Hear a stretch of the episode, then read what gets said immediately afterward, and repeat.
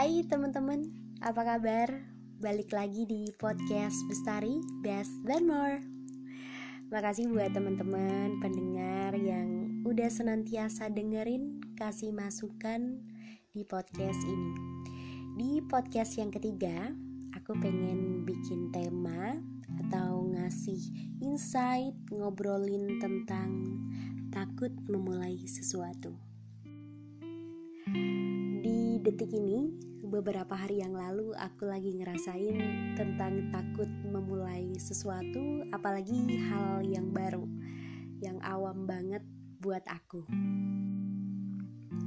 Ngomongin tentang hal itu, kalian pernah gak sih ngerasain yang apa aku rasakan? Ya memulai sesuatu hal yang baru, ibarat kalian belum pernah nyoba, tapi kalian harus disuruh nyelesain tantangan itu. Sebelumnya aku juga baru aja diskusi sama temen aku kalau memulai sesuatu yang baru apakah kita tuh terlalu nyaman di zona nyaman sehingga takut keluar mencoba hal-hal baru, tantangan baru yang seharusnya itu bisa buat diri kita lebih berkembang lagi. Dan masalahnya adalah membandingkan diri dengan orang lain tuh bikin kita ngedown. Dari situ ya takut memulai sesuatu. Kayak lihat karya orang lain lebih hebat. Di situ malah jadi ngedown gak sih? Gimana menurut kalian? Ibarat kata pepatah Jawa itu wang sinawang wang urep kakian nyawang. Jadi kita tuh kalau nilai sesuatu kita lihatnya ya bagus-bagus aja dengan apa yang kita lihat sekarang. Realitanya kayaknya lurus-lurus aja bagus-bagus aja gitu. Tapi kalau emang kita takut mulai sesuatu pasti juga akan tergilas sama zaman sih. Nggak bakal setak gitu biasa banget hidupnya.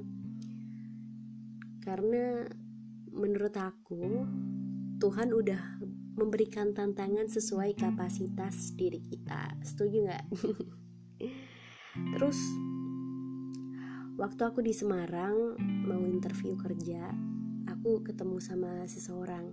Dia bilang hidup tuh harus ada tekanan dek.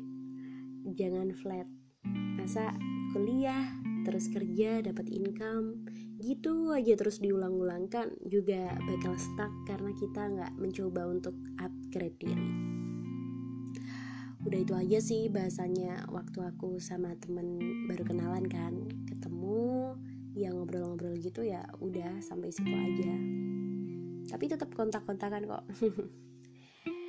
Terus di dalam hidup kita harus dituntut untuk be kreatif di situ kalau kita nggak kreatif juga bakal cepet bosen.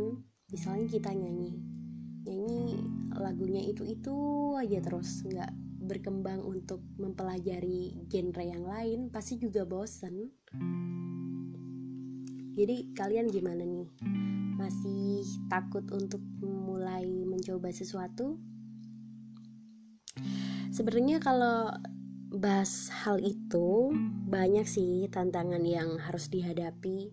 Pikiran pikirannya itu loh yang susah tuh nggak bisa ngelakuin ini gimana ya? Kalau nggak bisa ngelakuin itu gimana? Apa kata orang? Kayak gitu.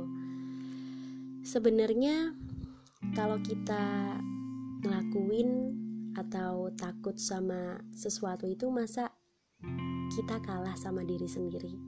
Nggak mencoba tantangan itu gitu loh. Jadi kita merasa kalah sama diri sendiri. Kan juga nggak nggak mau kan? Masa gitu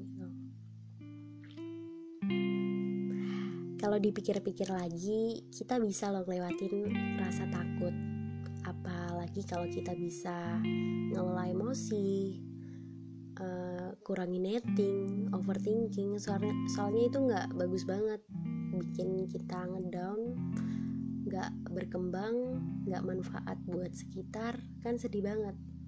Di masa SMA aku juga pernah menjalani hidup uh, layaknya seorang anak SMA tapi nggak ikut kegiatan osis. Jadi kayak robot gitu sekolah datang pulang. Jadi ngerasa stuck gitu loh. Nggak mau mencoba hal yang baru jadi nggak mengupgrade diri jadi Cooper sedihnya itu sih bisa dipetik hikmahnya.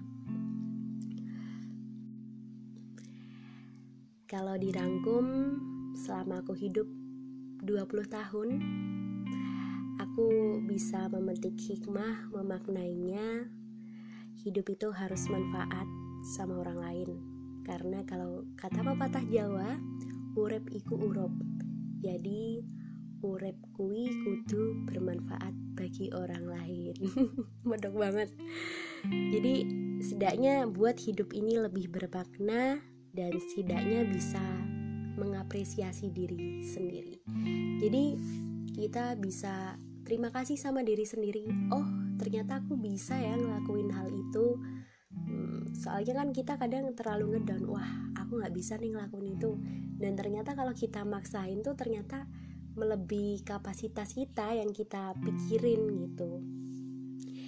Dan semua pilihan sebenarnya bukan kesalahan kita tapi tanggung jawab kita. Bagaimana kita bertanggung jawab atas semua pilihan kita Begitu sahabat. Apakah kalian paham apa yang aku bicarakan ini? Terima kasih udah mau mendengar cuap-cuap malam jam 1 pagi ini Kurang 2 menit. Makasih udah dengerin. Jangan lupa evaluasinya Agar podcastnya ini lebih baik lagi. Mm, Love you all. See you di podcast selanjutnya. Dah